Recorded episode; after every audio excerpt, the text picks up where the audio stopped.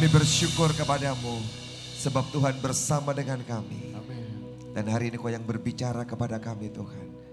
Kami berdoa roh hikmat wahyu pengertian diberikan buat kami pada hari ini. Untuk mengerti firman-Mu. Dan roh kudusmu bekerja di tengah-tengah kami hari ini. Engkau yang menjelaskan firman-Mu buat setiap kami pada hari ini. Dan hidup kami diberkati lagi lewat firman-Mu. Terima kasih Bapa. Di dalam nama Tuhan Yesus kami berdoa. Dan semua yang percaya sama-sama katakan amin. Silakan duduk saudara, silakan duduk. Tidak terasa Natal sudah tinggal berapa hari lagi dan kita akan merayakan sama-sama tanggal 24. Tapi anak-anak udah merayakan, youth sudah merayakan ya. Kita bersyukur sekali. Kemarin anak-anak kecil, anak sekolah minggu ada penampilan yang sangat bagus. Harusnya saya nggak tahu kapan kita bisa lihat sama-sama ya penampilannya. Ceritanya sederhana saudara ya dalam Natal anak-anak. Who am I?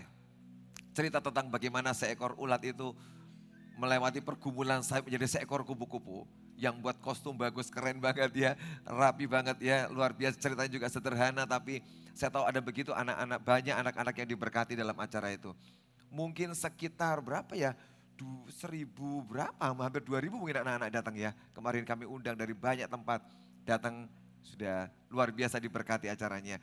Kemudian Gemas juga buat acara targetnya 850 yang datang seribu sampai pancinya kurang saudara ya. Karena setiap oma-oma, opa-opa dikasih panci saudara. Kekurangan, untung di saat yang mepet itu saya ngomong Bu Aning, Bu Aning kamu gak bisa siapin 850 ini. Lu mesti telepon toko sekarang siapin tambah 150 lagi. Dan benar, datang seribuan saudara.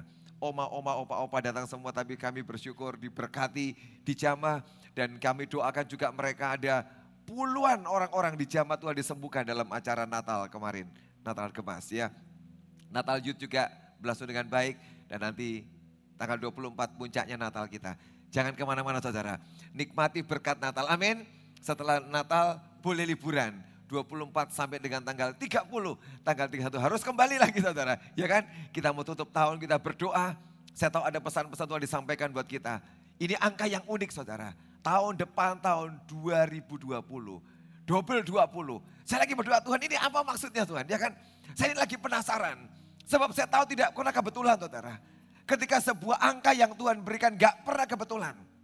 Dan orang Israel itu sangat percaya dengan angka tapi juga dengan nama saudara. Setiap sebutan, setiap nama, setiap angka yang mereka lihat itu semua diciptakan Tuhan, diatur Tuhan dengan sedemikian rupa. Tahun depan 2020, ada apa dengan 2020? Double dua kali saudara. Itu saya penasaran, makanya saya berdoa Tuhan, ini apa artinya angka ini? Karena saya percaya ada sesuatu yang akan didobelkan Tuhan tahun depan. Tapi apa itu? Nah itu yang penasaran saudara. Saya aja penasaran Tuhan engkau mau buat apa? Saya berdoa semoga saudara juga penasaran. Ini tahun depan ada apa ini ya kan? Tapi saya tahu sesuatu yang bagus yang luar biasa sedang dia siapkan buat tahun depan. Amin. Kalau ada banyak nubuatan yang jelek, yang negatif buat tahun depan. Tapi saya percaya Tuhan juga sedang menyiapkan sesuatu rencana yang besar, yang hebat buat tahun depan. Amin. Mari sambut tahun depan dengan sebuah semangat dan gairah buat Tuhan. Engkau mau buat apa? Aku siap-siap nih Tuhan. Menerima semua yang ajaib, yang besar. Yang Tuhan kerjakan buat tahun depan. Mari buka firman Tuhan pada hari ini. Judul khotbahnya hari ini adalah mengawal nubuatan. Kita buka satu Raja-Raja pasal yang ke-12 ayat 26 sampai dengan ayat yang ke-30. Satu Raja-Raja pasal yang ke-26. Pasal 12 ayat 26 sampai dengan ayat yang ke-30. Satu Raja-Raja 12, 26 sampai dengan 30. Maka berkatalah Yerobeam dalam hatinya, kini mungkin kerajaan itu kembali kepada keluarga Daud. Jika bangsa itu pergi mempersembahkan korban sembelian di rumah Tuhan di Yerusalem maka tentulah hati bangsa ini akan berbalik kepada Tuhan mereka, yaitu Rehabeam, Raja Yehuda. Kemudian mereka akan membunuh aku dan akan kembali kepada Rehabeam, Raja Yehuda. Ayat 28, sesudah menimbang-nimbang maka raja membuat dua anak lembu jantan dari emas. Dan ia berkata kepada mereka, sudah cukup lamanya kamu pergi ke Yerusalem, hai Israel. Lihatlah sekarang, Allah-Allahmu yang telah menuntun engkau keluar dari tanah Mesir. Lalu ia menaruh lembu yang satu di Betel dan yang lain ditempatkannya di Dan. Maka hal itu menyebabkan orang berdosa. Sebab rakyat pergi ke Betel menyembah patung yang satu dan ke Dan menyembah patung yang lain. Hari ini kita akan bicara tentang bagaimana hidup kita ini mengawal setiap nubuatan. Saya tahu setiap kita paling senang saudara. Kalau ada seorang nabi yang datang. Nanti bulan April ada nabi yang datang. Dua orang saudara. Yaitu Bruce Allen dan juga Sadu ya akan datang ke tengah-tengah kita. Dia akan bicara banyak tentang semua yang baik yang luar biasa. Bernubuat. Tapi juga kadang-kadang Nabi memberikan teguran buat saudara. Tapi Nabi ini sangat disenangi saudara. Karena akan berbicara nubuatan sesuatu yang luar biasa tentang hidup kita. Engkau akan diberkati. Engkau akan punya perusahaan. Engkau akan punya rumah. Dan semua yang luar biasa. Diucapkan seorang Nabi kepada hidup kita. Dan kita ini sangat senang setiap kali mendengar nubuatan-nubuatan.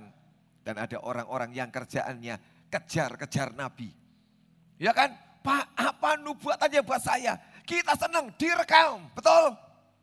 Ya toh? Ayo udah usah pura-pura ya kan? Kalau di nubuatnya direkam. Supaya apa? Diinget-inget terus nubuatannya. Kapan jadinya ya? Kapan jadinya ya? Kapan jadinya? Tapi hari ini kita mau belajar bagaimana mengawal setiap nubuatan yang diberikan dalam kehidupan kita. Satu kali ada orang yang bernama Yerobeam, saudara. Ini orang yang hebat, saudara. Yang dipilih Tuhan, dipanggil Tuhan. Bernama Yerobeam. Ini bukan seorang keturunan raja. Tapi hari itu Tuhan panggil dia. Dan Tuhan pilih orang ini. Bagaimana Tuhan pilih dia? Ketika kerajaan Israel terpecah dua saudara hari itu. Tuhan panggil Yerobeam dan Tuhan bernubuat lewat seorang nabi yang bernama Abia. Dia berkata pada Nabi Abia ini, berbicara pada Yerobeam. Dengan cara apa saudara? Dengan cara profetik. Nabi itu pakai satu kain yang baru. Dan dia namanya Yerobeam, dia robek baju yang baru itu, pakaian baru itu. Kain barunya menjadi 12 potong. Sepuluh dia berikan pada Yerobeam dan dia berkata, Tuhan memberikan sepuluh suku kepadamu Yerobeam. Supaya engkau menjadi raja. Dan Nabi itu berkata, Tuhan memilih engkau, menetapkan engkau. Sama seperti dia menentukan Daud dan memilih Daud pada hari itu. Yerobeam senang sekali. Dia dapat nubuatan yang besar, yang hebat itu saudara. Dan sejak hari itu Yerobeam diangkat menjadi raja atas sepuluh suku Israel. Nubuatannya hebat, yang diucapkan hebat buat Yerobeam. Dan hari itu jadilah dia seorang raja saudara. Tapi tahukah saudara, seperti yang baru kita baca ini. Raja yang dipilih Tuhan ini. Diberikan nubuatan yang sangat hebat ini saudara. Hari itu berakhir dengan sangat menyedihkan. Kenapa saudara? Sebab satu kali hatinya berubah menjadi jahat. Itulah yang paling menyakutkan buat kita saudara. Ada orang-orang yang hidupnya biasa-biasa. Engkau orang yang sederhana. Yang belum punya apa-apa mungkin hidupmu. Dan kau mendapatkan banyak janji dan nubuatan yang hebat. Yang Tuhan sampaikan dalam hidupmu. Dan kau sangat suka dengan apa yang Tuhan sampaikan. Dan Tuhan mulai mengangkat hidupmu. Dan kau jadi orang-orang yang berhasil. Pekerjaanmu, bisnismu, apa yang kau kerjakan Diangkat, diberkati Tuhan dengan luar biasa. Tapi selalu saudara, gangguan yang terbesar buat kita adalah sikap hati kita. Ketika nubuatan-nubuatan yang besar, janji Tuhan yang hebat mulai kita alami. Apakah hatimu tetap tertuju kepada Tuhan? Atau kau mulai goyah hatimu? Yerobeam, waktu diangkat Tuhan, tiba-tiba hatinya menjadi takut. Dia tiba-tiba mikir, iya kalau selalu Tuhan pilih aku. Kalau sampai Tuhan meninggalkan aku bagaimana satu kali. Mungkin kerajaanku ini akan hancur. Dan aku akan hilang, tidak dianggap lagi. Hatinya goyang. Ada perasaan tidak aman dalam hidup Yerobeam pada hari itu. Dan apa yang dia buat saudara? Hatimu itu saudara akan menentukan tindakanmu. Hati-hati saudara. Sebab semua tindakan yang keluar yang kita kerjakan, semua mengalir dari dalam hatimu. Kalau engkau bisa menjaga hatimu dengan segala kewaspadaan. Engkau akan melakukan tindakan-tindakan, perbuatan-perbuatan yang tepat yang dari Tuhan. Hari itu hati Yerobeam salah saudara. Dan apa yang dia buat? Hatinya yang merasa tidak aman. Hatinya yang takut, yang gentar itu. Membuat dia berkata, kita tidak akan menyembah Tuhan lagi yang di Yerusalem. Aku akan membuat Allah lain buat orang Israel. Supaya hati orang Israel tidak usah ke Yerusalem. Datang ke sana.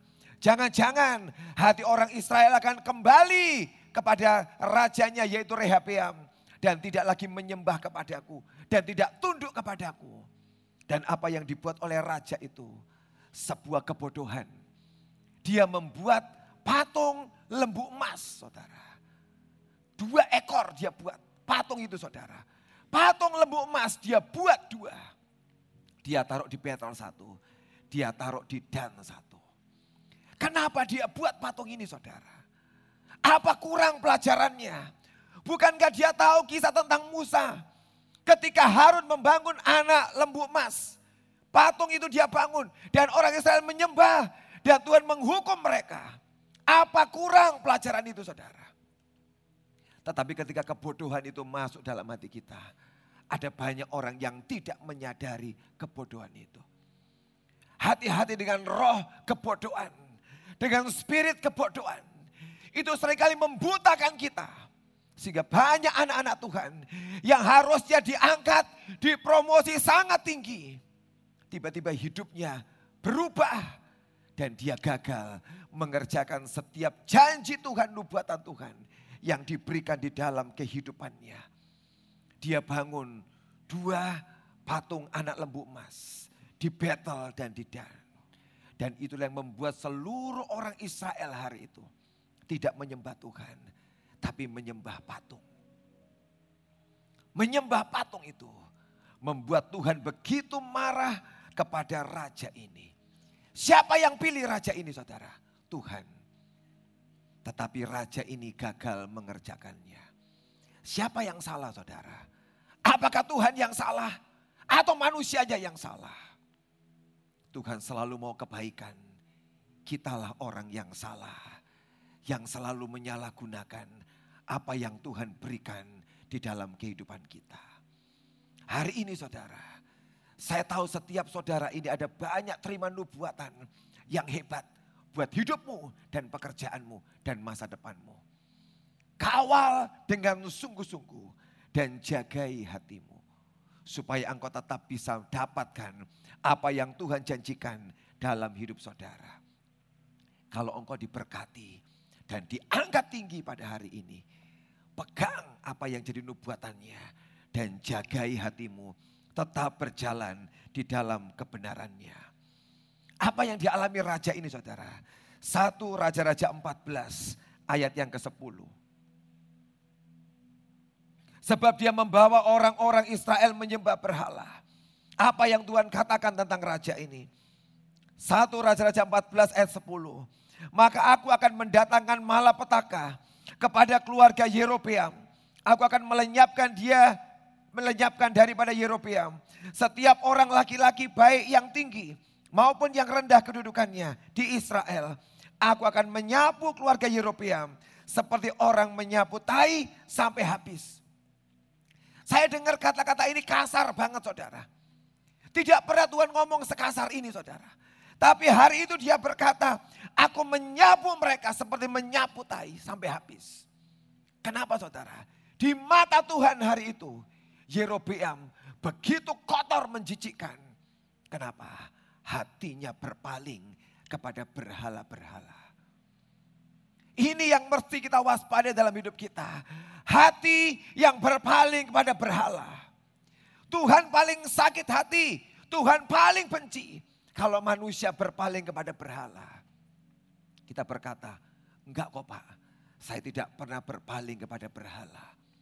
Aku tidak pernah berpaling pada berhala. Setiap kita ini punya berhala saudara. Tanpa engkau sadari. Ada orang yang punya berhala uang.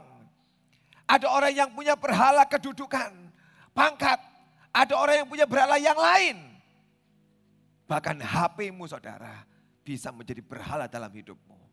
Sebab engkau bangun pagi, yang kau buka pertama HP-mu. Ketimbang engkau membaca firman.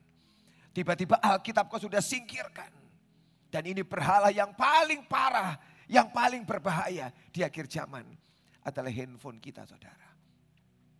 Saya mendisiplin diri saya. Saya ngomong sama teman-teman. Kalau engkau sedang beribadah, jangan buka HP untuk lihat yang lain. Kalau engkau buka Alkitab, gak apa-apa saudara. Jangan buka yang lain. Kalau engkau berdoa, jangan buka yang lain. Fokus pada doamu saudara. Karena saya sedih. HP ini jadi berhala yang paling mengerikan. Saat engkau berdoa banyak yang buka. Kalau engkau isinya deklarasi engkau ucapkan silakan saudara. Tapi kalau engkau sedang cari yang lain, lihat yang lain, menjawab WhatsApp, melihat yang lain, berhenti saudara. Tanpa kau sadari ini jadi berhala. Saya lebih bagus ngomong tegas dengan saudara. Daripada satu kali kita mendapat hukuman Tuhan. Karena tanpa kita sadari, handphone kita menjadi berhala di dalam kehidupan kita. Tanpa engkau sadari, uang jadi berhala di dalam kehidupanmu. Dan ketika itu menjadi berhala, itu yang menyakiti hati Tuhan. Sampai Tuhan berkata pada Yerobeam, aku sapu kamu bersih Yerobeam. Karena begitu sakitnya hati Tuhan kepada orang ini. Dia pilih nggak saudara? Dipilih. Kalau hari ini dia pilih hidup saudara. Dia pilih dia pakai saudara.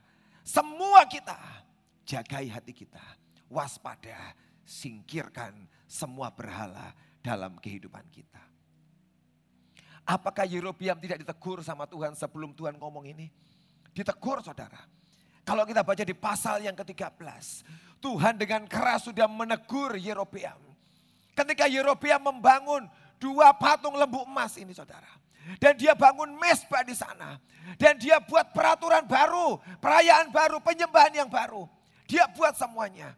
Tuhan sudah menegur orang ini lewat nabi-nabinya. Satu kali waktu dia membuat perayaan, dia membangun mesbah. Dan Yerobeam naik di atas mesbah itu dan dia persembahkan korban. Hari itu seorang nabi datang menegur dia. Di pasal 13 ada abdi Allah dari Yehuda, seorang nabi muda saudara. Yang datang ke mesbah itu dan berkata, Yerobeam, sebab kamu membangun mesbah yang bukan untuk Tuhan. Engkau membangun sebuah mesbah untuk menyembah berhala. Maka hari ini Tuhan berkata, dia akan lahir dari anak Daud yang namanya Yosia. Yang menghancurkan mesbah ini. Dan membunuh semua keturunanmu. Sebab engkau tidak menyembah Tuhan. Engkau menyembah pada berhala-berhala ini. Yerobiam sangat marah kepada nabi muda itu. Dan dia tunjuk, tangkap nabi ini. Waktu ditunjuk nabi itu, tangan Yerobiam kaku saudara. Gak bisa gerak saudara. Tuhan menyatakan kuasanya Yerobiam saya tahu hari itu. Dia ketakutan. Mungkin dia nangis hari itu. Dan dia berkata, mintakan aku ampun kepada Tuhan. Nabi muda itu berkata, aku mintakan ampun. Dan tiba-tiba tangan yang kaku itu saudara, bisa digerakkan kembali. Dan bisa normal balik. Yerobiam tahu, itu dari Tuhan, peringatan itu. Bertobat gak saudara? Bertobat gak saudara? Gak bertobat.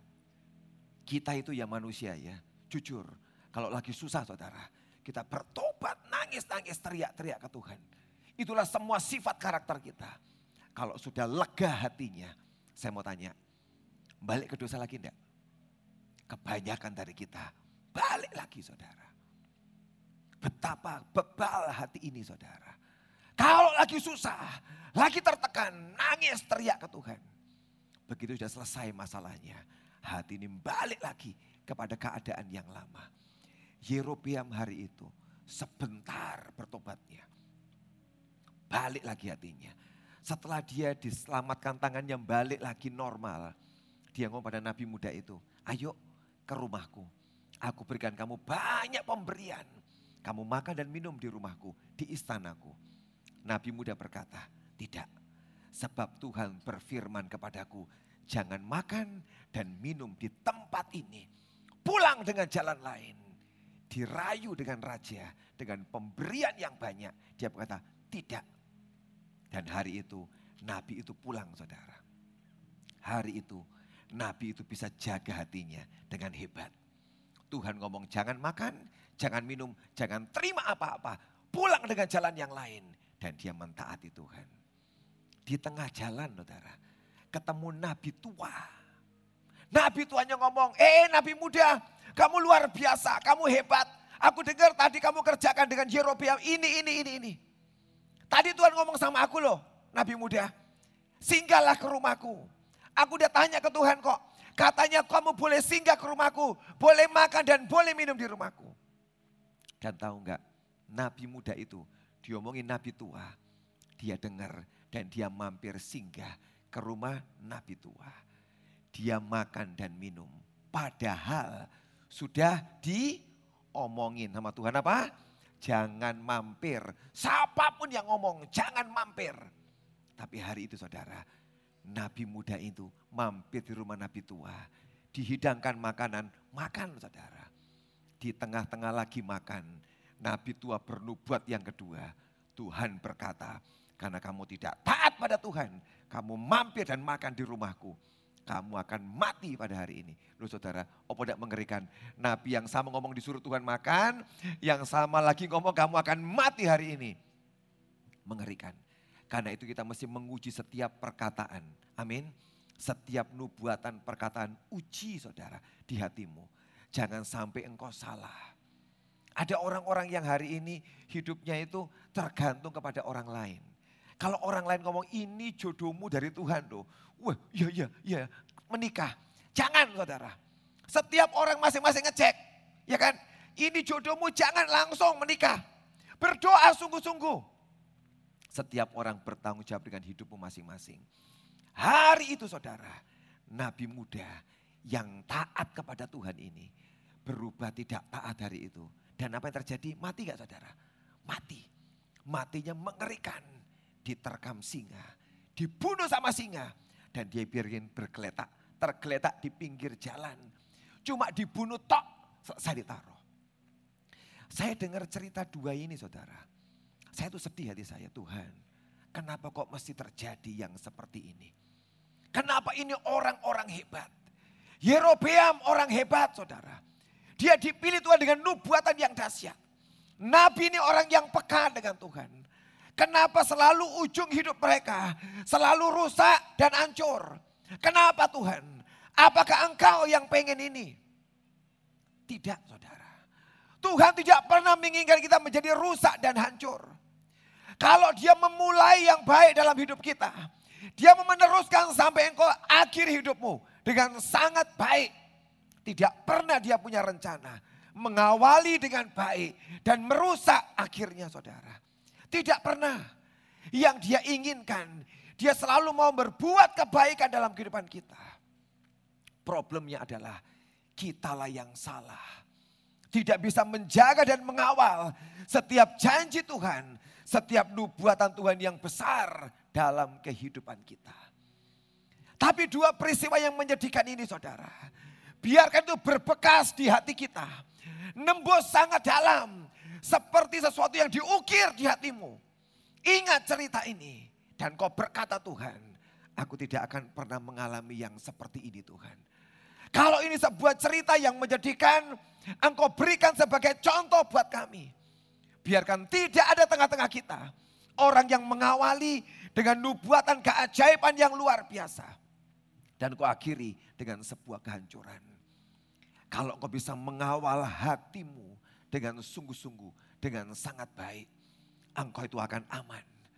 Kenapa Amsal yang dikarang oleh Salung berkata, jaga hatimu, jagai hatimu dengan segala kewaspadaan. Karena dari situlah terpancar kehidupan. Dia berkali-kali berkata jagai, jagai. Sebab dia tahu betapa mudah hati kita ini berubah saudara. Betapa mudah hati kita ini berubah setia dari sungguh-sungguh menjadi tidak sungguh-sungguh. Kalau engkau tahu ini berbahaya, hari ini dekat-dekat Natal, sebelum kita tutup tahun ini, biar kita naikkan sebuah doa kepada Tuhan, Tuhan, jagai hati kami supaya engkau temui kami tetap setia. Apa yang dibuat Yerobeam begitu melukai hati Tuhan. Sampai berbekas sangat dalam di hati Tuhan. Satu Raja-Raja 16 ayat 26. Satu Raja-Raja 16 ayat yang ke-26. Ekspresi sakit hati Tuhan dia sampaikan di sini. Ketika ada seorang raja yang berdosa, Tuhan berkata pada raja itu, ia hidup menurut segala tingkah laku Yerobeam bin Nebat dan menurut dosa Yerobeam yang mengakibatkan orang Israel berdosa pula. Sehingga mereka menimbulkan sakit hati Tuhan Allah Israel dengan dewa-dewa kesia-siaan mereka. Itu ketika Omri, Raja Israel, jatuh dalam dosa. Dia ngomong Omri, Omri. Dosamu seperti Yerobeam bin Nebat. Seperti dia. Dan saya lihat di Alkitab ini. Ada banyak raja-raja yang jatuh dan berdosa. Dan selalu Tuhan berkata, tingkah langkumu, dosamu seperti Yerobeam bin Nebat. Kenapa saudara? Sebab orang ini sangat menyakiti hati Tuhan. Orang ini mengkhianati Tuhan. Dia dipilih, diangkat, tapi pengkhianat. Saudara biar di tempat ini tidak ada pengkhianat yang dia temukan. Amin. Semua roh pengkhianatan kita hancurkan, kita buang dari tempat ini saudara. Kalau Tuhan memberkati hidupmu, mengangkat hidupmu hari ini, biar tidak ada yang mengkhianati dia. Sampai detik akhir hidupmu saudara. Dia temui engkau bukan pengkhianat. Tapi engkau orang yang setia kepada dia. Engkau setia kepada dia. Ini spiritnya Yudas saudara. Spirit pengkhianat. Tapi kita berdoa tidak ada di tengah-tengah kita. Semua orang yang setia berpaut kepada Tuhan semua roh berhala dalam hidup kita dihancurkan, dibuang. Dan cuma satu di hati kita Tuhan.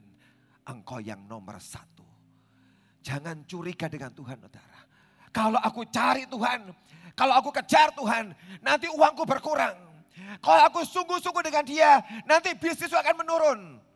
Itu pikiran dari setan yang menjebak saudara. Tidak pernah di hati Tuhan saudara. Kalau engkau mengejar dia sungguh-sungguh dengan dia. Dan dia mengambil mencuri dari hidupmu saudara. Tidak pernah. Sebab hatinya tidak pernah mencuri dan mengambil dari hidup kita. Tapi hatimu yang curiga saudara. Itu yang sering kali membuat engkau seperti Yerobeam. Karena kau curiga dengan Tuhan. Karena kau curiga dengan dia. Dia bukan pengkhianat dan bukan Tuhan yang jahat. Dia Tuhan yang setia.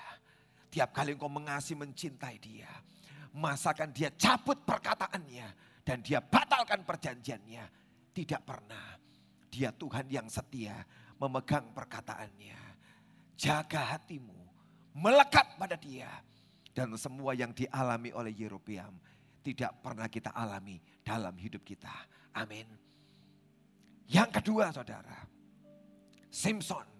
Hakim-hakim pasal yang ke-16. Hakim-hakim pasal yang ke-16. ayat 4 dan 5. Sesudah itu Simpson jatuh cinta kepada seorang perempuan dari lembah Sorek yang namanya Delilah. Lalu datanglah raja-raja kota orang Filistin kepada perempuan itu sambil berkata, cobalah bujuk dia untuk mengetahui karena apakah kekuatannya demikian besar. Dan dengan apakah kami dapat mengalahkan dia dan mengikat dia untuk menundukkannya maka kami masing-masing akan memberikan seribu seratus uang perak kepadamu.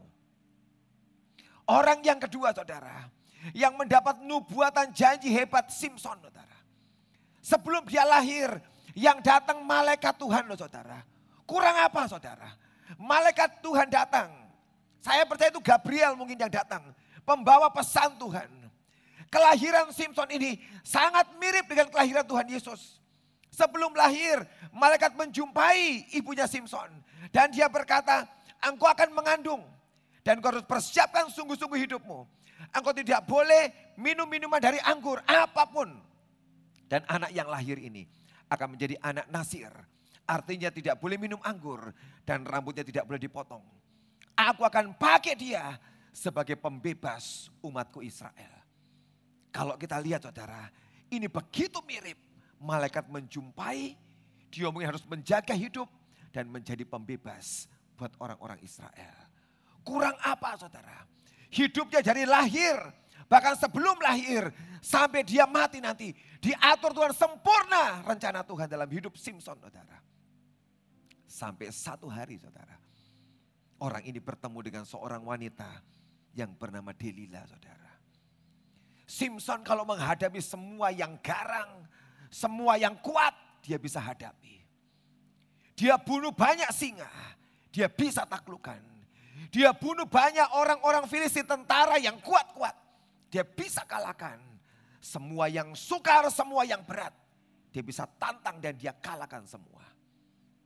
Tapi dia menghadapi sesuatu yang tidak keras, yang tidak berbahaya. Sesuatu yang lemah, yang biasa. Di situlah dia kalah.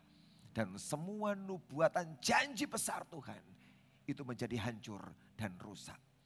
Hati-hati saudara dengan yang lemah. Kalau menghadapi yang kuat, yang mengerikan, kita akan waspada sungguh-sungguh. Tapi untuk hal-hal yang biasa, yang lemah, yang gampang, di situlah kita tidak waspada. Saya itu penasaran dengan arti nama Delila. Waktu saya coba pelajarin kata Delila saudara, apa arti kata Delila? Delila artinya weak atau weakness. Nama wanita itu lemah atau kelemahan. Bagaimana mungkin saudara? Orang yang sangat kuat ini saudara. Orang yang sangat kuat ini saudara. Yang bernama Simpson. Bisa dikalahkan dengan seorang wanita yang namanya lemah atau kelemahan. Tapi itulah memang yang sering menyerang hidup kita saudara. Kalau kau menghadapi musuh yang frontal, kau sikat habis musuhmu, kau bisa memenangkan pertempuranmu. Kadang-kadang ada hal-hal kecil yang kau pikir tidak berbahaya. Orang opo-opo ini biasa. Justru itulah jebakan yang paling berbahaya. Hari itu saudara, dia menjalin hubungan dengan Delila. Yang kuat ini saudara, menjalin hubungan dengan yang lemah ini saudara. Tiba-tiba yang lemah ini memberikan pengaruh yang kuat. Sehingga yang kuat ini menjadi lemah. Kalau hidupmu saudara, engkau bergaul dengan semua dekat dengan semua yang lemah dan kelemahan itu saudara. Pelan-pelan itu akan menembus masuk dalam hidupmu. Dan tiba-tiba merusak hidup saudara, menghancurkan hidup saudara. Hari-hari ini kita tahu banyak seminar akhir zaman. Nanti bulan Januari, satu pendeta dari Australia akan seminar akhir zaman saudara. Dan dia akan bicara banyak hal Salah satu di akhir zaman yang kerja sangat kuat. Illuminati saudara.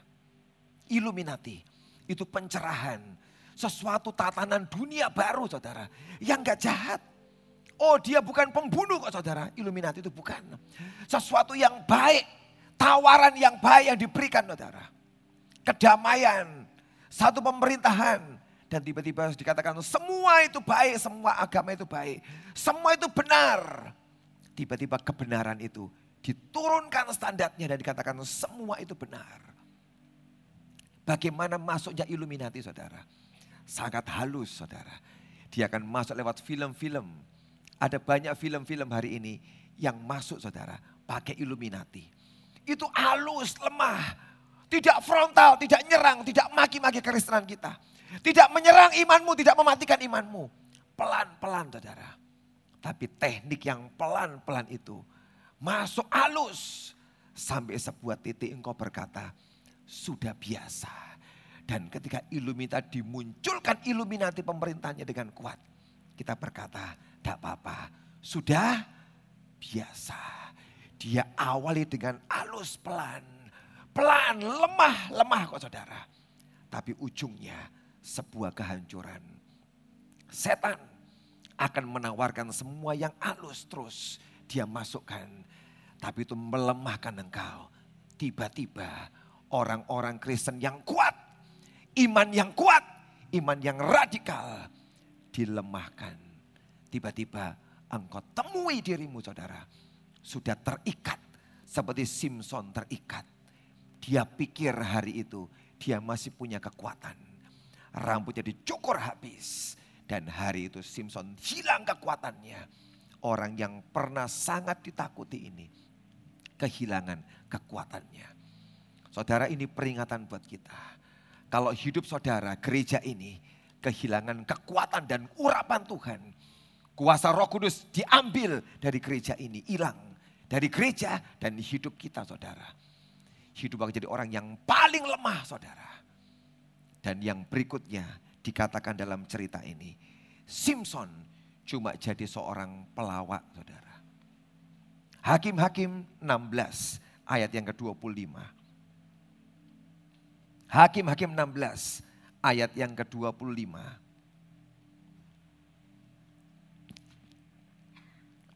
Ketika hati mereka riang gembira, berkatalah mereka, panggillah Simpson untuk melawak bagi kita. Simpson dipanggil dari penjara, lalu ia melawak di depan mereka. Kemudian mereka menyuruh dia berdiri di antara tiang-tiang. Jadi joker. Orang kumpul semua, eh panggil pelawak. Ini orang pernah sangat ditakuti. Orang ketemu dengan dia gemetaran ketakutan. Detik roh Tuhan diangkat dari hidupnya saudara. Jadi apa? Jadi pelawak. Kita ini menjadi luar biasa saudara. Saya pernah jelaskan sekian waktu yang lalu. Sebab tanah liat itu saudara. Yang dari bumi. Yang tanah liat ini saudara gak ada harganya. Dihembusi rohnya. Dan menjadi berharga. Jadi hebat hidup kita ini.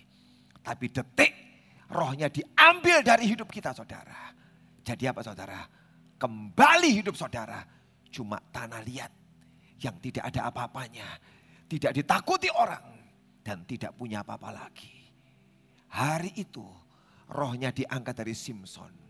Jadi pelawak. Ketemu dengan Simpson orang ketawa dan tidak takut lagi. Ini hal yang mengerikan buat gereja Tuhan dan hidup kita. Saya tahu cerita Simpson ini bicara tentang gereja Tuhan saudara. Kalau engkau dipenuhi rohnya, jadi gereja yang penuh kuasa. Rohnya tidak ada, jadi gereja yang sangat lemah dan hanya jadi pelawak saja dan gak bisa apa-apa. Satu hari saya pernah mimpi saudara. Kita kami pergi peperangan rohani ke banyak kota saudara. Berdoa untuk kota-kota supaya Tuhan mengadakan KKR lawatan di kota-kota itu. Selesai saya mendoakan di tempat-tempat itu saudara. Dan saya ketika datang ke tempat itu dengan beberapa teman peperangan rohani. Saya selalu menemukan satu spirit yang diukir di tempat-tempat yang sakral. Gambar buaya saudara. Dan kami doakan. Itu barang sudah mungkin umurnya ratusan tahun itu barang sudah kuno banget. Sakral dan di daerah itu banyak sekali saudara. Diukir buaya di batu-batu saudara. Saya bilang ini spiritnya pasti. Setan expose menyatakan ini rohnya yang menguasai daerah ini. Selesai doa peperangan rohani. Kami pulang, saya pulang. Dan saya malam itu mimpi saudara. Saya mimpi di rumah saya itu saudara.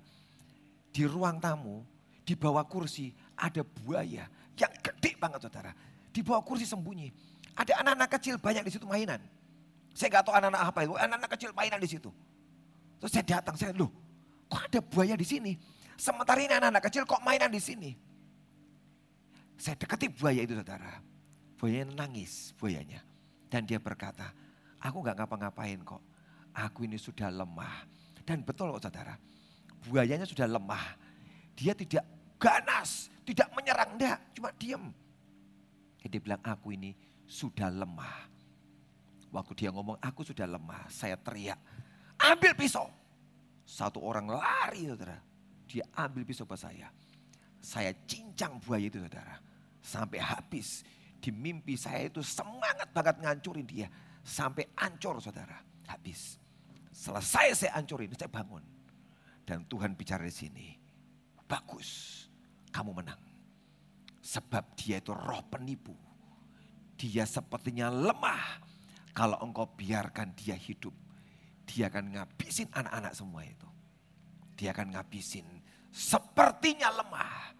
Tapi dia tidak lemah, dia pura-pura lemah. Dan itulah yang menjebak banyak orang. Sepertinya dia lemah saudara. Tapi yang lemah itu saudara, dia akan ngabisin makan semua anak-anak Tuhan. Saya bersyukur hari itu perang dan ngabisin spirit itu saudara. Dan saya tahu Tuhan, gereja kami ini menang. Kami tahu kami menang. Dan roh ini tidak bisa menipu kami lagi. Sehingga dia tidak bisa memakan kita, mengalahkan kita, menghancurkan kita. Setan akan selalu datang dengan cara yang seperti saudara untuk membuat kita lemah. Destiny kita coba dirusak dan coba dihancurkan. Dan dia tidak suka kalau ada orang-orang yang dapat nubuatan. Nubuatan itu bagus tuh saudara. Saya senang dapat nubuatan. Tapi tahukah saudara, detik nubuatan disampaikan. Ada dua pribadi yang mendengar. Satu Tuhan, sebab dia sang pemberi nubuatan. Tapi yang kedua siapa saudara? Setan. Saudara pikir kalau setan dengar nubuatan yang besar, tahun depan akan diberikan perusahaan yang lebih gede. Tokomu diperbesar, diberkati. Saudara sangka setan diem, oh, diem ketawa-ketawa, tidak apa-apa, tidak apa-apa. Saudara sangka gitu? Enggak. Dia akan berusaha bagaimana caranya. Merusak, menghancurkan nubuatan itu. Supaya tidak pernah jadi. Ada orang-orang yang dapat nubuatan hebat di tempat ini. Tapi bertahun-tahun kamu tunggu tidak pernah datang nubuatannya. Betul? Ada orang-orang yang dapat nubuatan besar dari Tuhan. Dan kau tunggu bertahun-tahun tidak pernah jadi. Kenapa? Why? Karena setan coba rebut dan ambil itu saudara. Dan menghancurkan supaya gagal dan batal. Tapi kalau engkau tahu itu ada. Hari ini bangkit. Jaga hatimu. Dan minta ke Tuhan. Kawal nubuatan itu. Supaya nubuatan itu tidak rusak dan tidak hancur. Dan nubuatan itu menjadi kenyataan. Amin. Itu nubuatan hebat tuh saudara punya kekuatan menjadi kenyataan loh saudara. Tapi kalau tidak dikawal sungguh-sungguh, rusak. Dan setan itu perusaknya. Kenapa kok setan pengen ngerusak nubuatan kita saudara? Kita lihat kuncinya, Yehezkiel 28. Yehezkiel ini ayat yang terakhir. Yehezkiel 28. Ayat 13 sampai dengan ayat yang ke-17. 13 sampai dengan ayat yang ke-17. Yehezkiel 28, 13 sampai dengan 17. Engkau di Taman Eden, yaitu Taman Allah, penuh segala batu permata yang berharga, jaspis merah, krisolit dan jaspis hijau, permata pirus, krisopras dan nefrit, lazurit, batu darah dan malakit.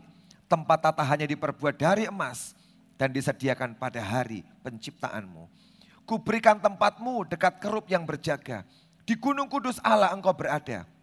Dan berjalan-jalan di tengah batu-batu yang bercahaya-cahaya. Engkau tak bercelah di dalam tingkah lakumu sejak hari penciptaanmu. Sampai terdapat kecurangan padamu. Dengan dagangmu yang besar, engkau penuh dengan kekerasan dan engkau berbuat dosa. Maka kubuang engkau dari gunung Allah dan kerup yang berjaga membinasakan engkau dari tengah-tengah batu yang bercahaya. Engkau sombong karena kecantikanmu. Hikmatmu kau musnahkan demi semarakmu. Ke bumi kau kulempar. Kepada raja-raja engkau kuserahkan menjadi tontonan bagi matanya.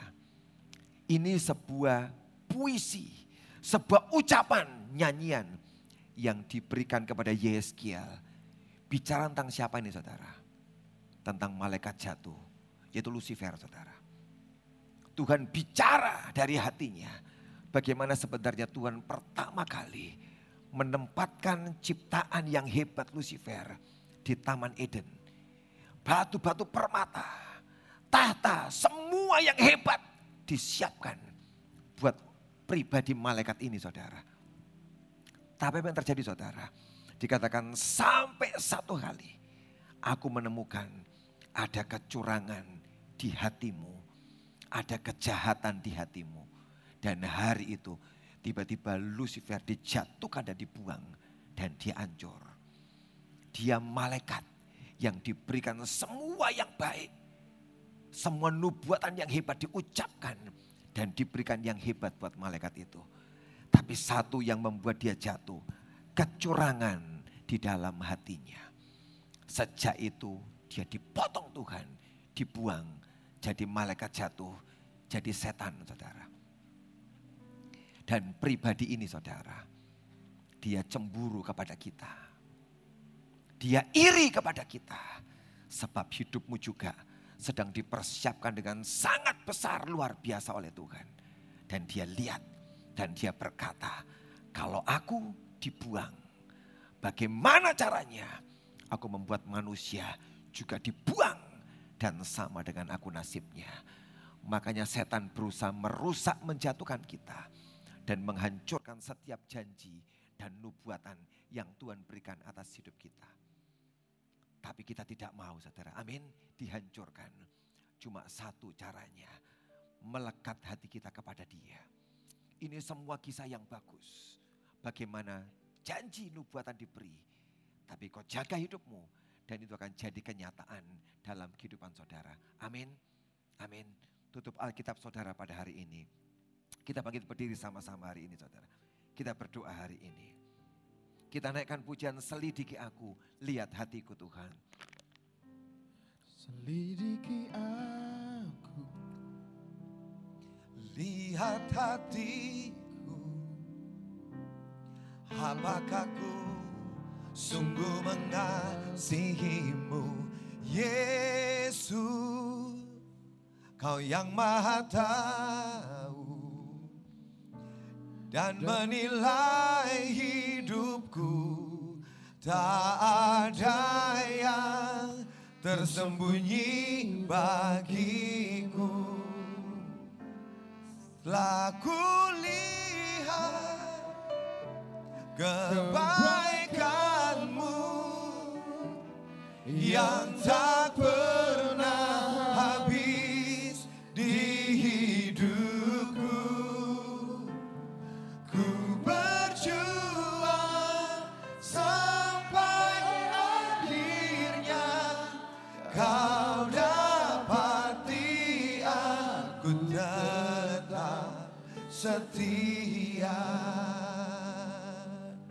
selidiki aku Tuhan. Selidiki aku. Lihat hatiku. Apakah ku sungguh mengasihimu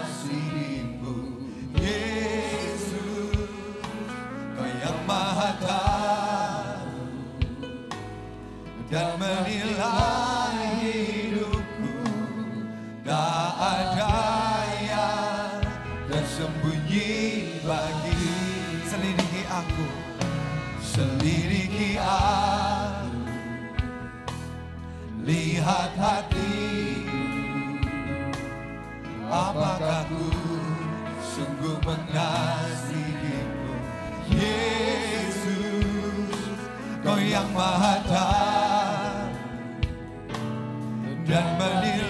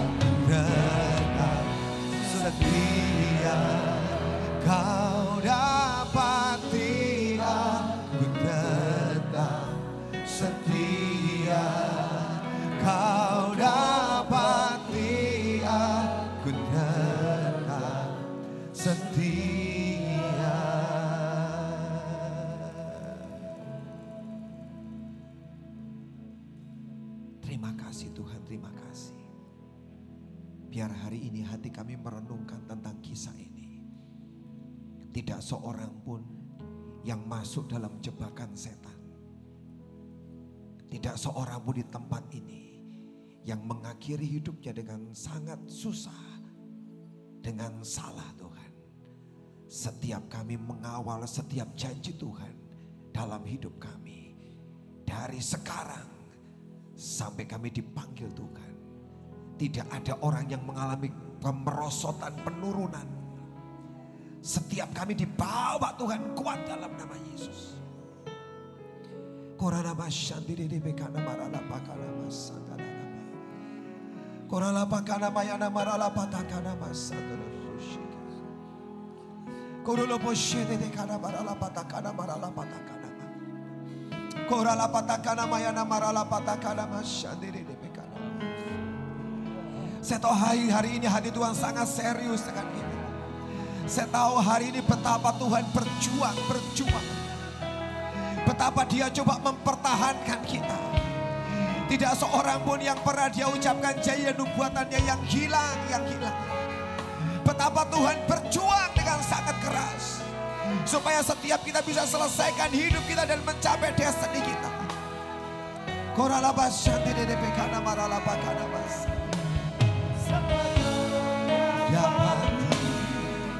aku setia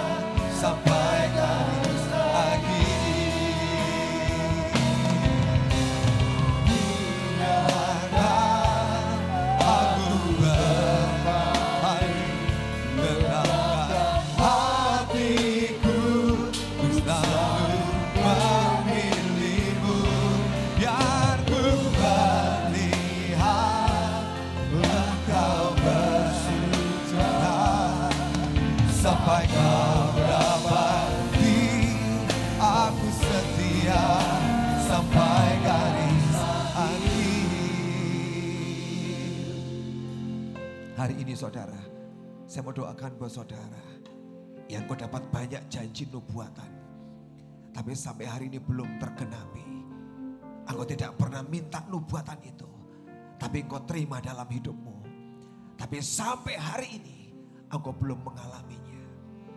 Ada yang sedang ditahan oleh musuh. Yang sedang ditahan oleh musuh. Hari ini kita harus jebol hancurkan itu. Semua apa yang ditahan musuh. Tapi engkau juga bisa menjaga hatimu. Terus melekat kepada Tuhan supaya setiap nubuatan yang ajaib yang besar itu. Jadi dalam hidup saudara. Saya mau undang saudara pada hari ini maju ke depan. Engkau yang mendapat nubuatan-nubuatan yang besar saudara. Bahkan mungkin tidak masuk akal nubuatan. Tapi kau tahu Tuhan aku pernah dapat yang hebat. Yang besar Tuhan. Tapi kenapa tertahan? Tapi kenapa tertahan? Korala pakana bayana marala pakana masih katakan masa Ada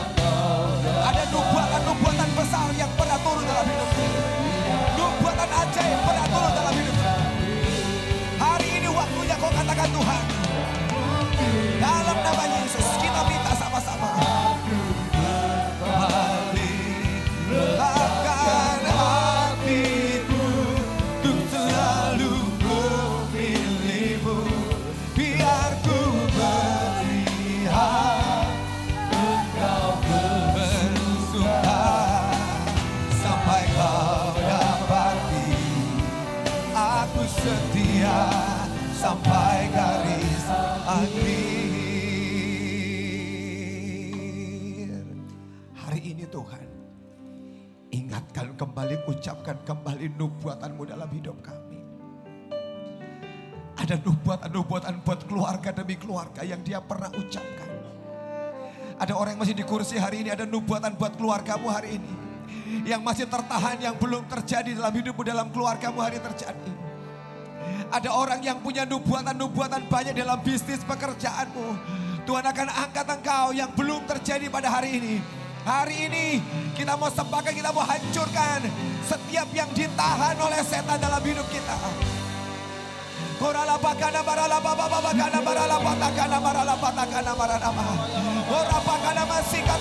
Saya merasakan saudara.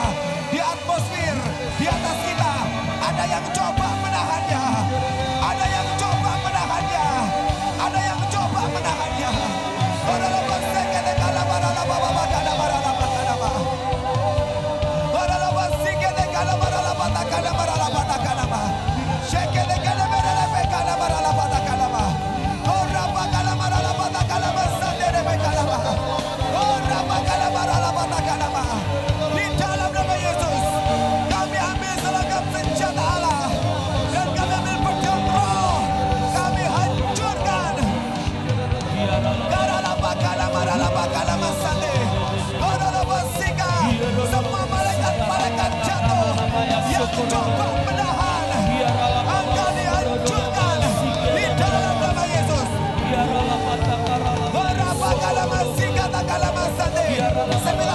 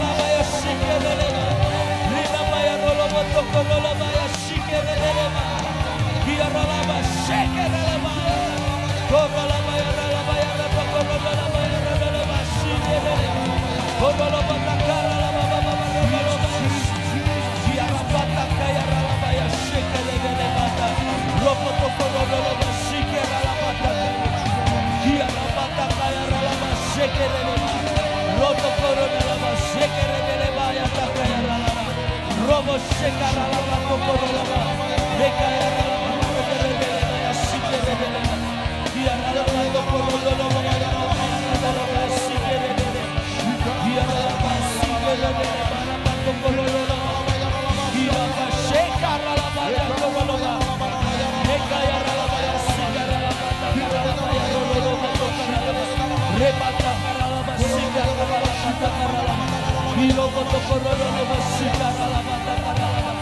Redele boshe kanda la mano korolo. Redele maya si redele manda maya. La maya si kera la mando kara la maya si kera redele manda korolo. La maya si kera la manda kara la maya si kera redele. Kiara la manda kara la maya si kera la manda kara la maya. Kiara la maya sokorolo mando korolo maya si kera la maya. Kiara la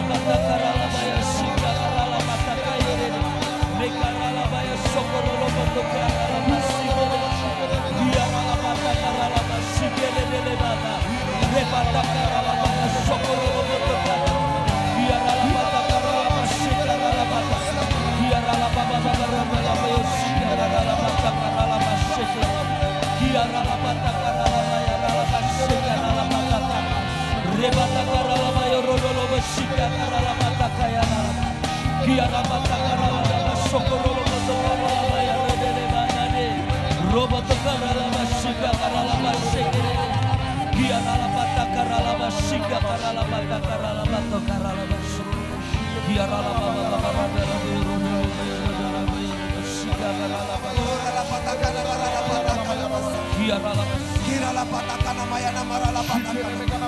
Kurala patakana marala patakana mas.